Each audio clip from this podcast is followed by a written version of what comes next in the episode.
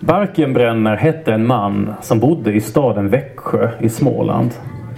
Han arbetade som professor på stadens universitet och forskade om raggmunkar. I lägenheten där professor Barkenbränner bodde fanns också hans kompis Ludde Ludd junior som hyrde en liten lägenhet som konstigt nog låg inuti professor Barkenbränners navel. Där inne var det gott om utrymme och varmt så professor Barkenbränner tog bra betalt för hyran. Men Ludde var ofta borta för han tyckte om att resa och Barkenbränner kände sig därför ensam. Men helt ensam var inte professor Barkenbränner.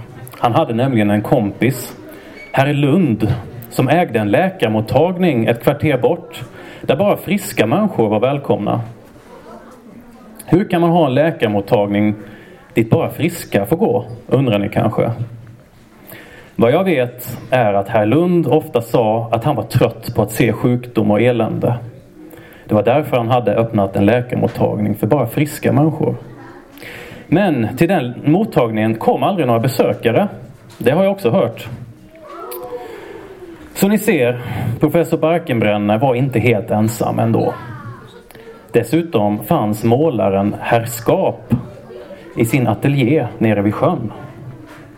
Ni kanske vet vem konstnären Herr Skap är? Inte? Det är han som alltid har en blöja på sig eftersom han inte hinner gå på toaletten när han målar sina tavlor.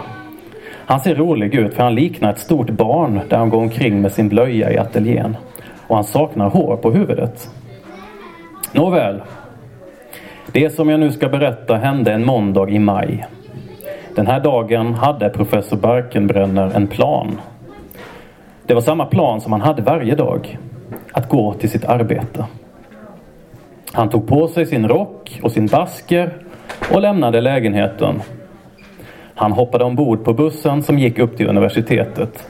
Men när han kom dit märkte han till sin förvåning att han inte kunde öppna dörren. Nyckeln passade inte. Han tog upp sin telefon och ringde till assistenten. När assistenten svarade sa han Hej, kan du öppna dörren? Jag kommer inte in med nyckeln. Är det du Barkenbränner? sa assistenten förvånat. Ja, det är jag, det sa jag ju. Det sa du inte alls, sa assistenten. Och du jobbar inte här längre. Professor Barkenbränn harklade sig och sa Ursäkta mig, vad sa du? Du fick sparken för mer än ett år sedan, sa assistenten. Har du glömt det? Barkenbränner blev genast rädd. Du måste skämta. Nej, ropade assistenten i telefonen. Jag skämtar inte. Du har fått sparken härifrån förra året. Vad jobbar jag nu då? Jag vet inte, sa assistenten. Det klickade i telefonen när assistenten la på.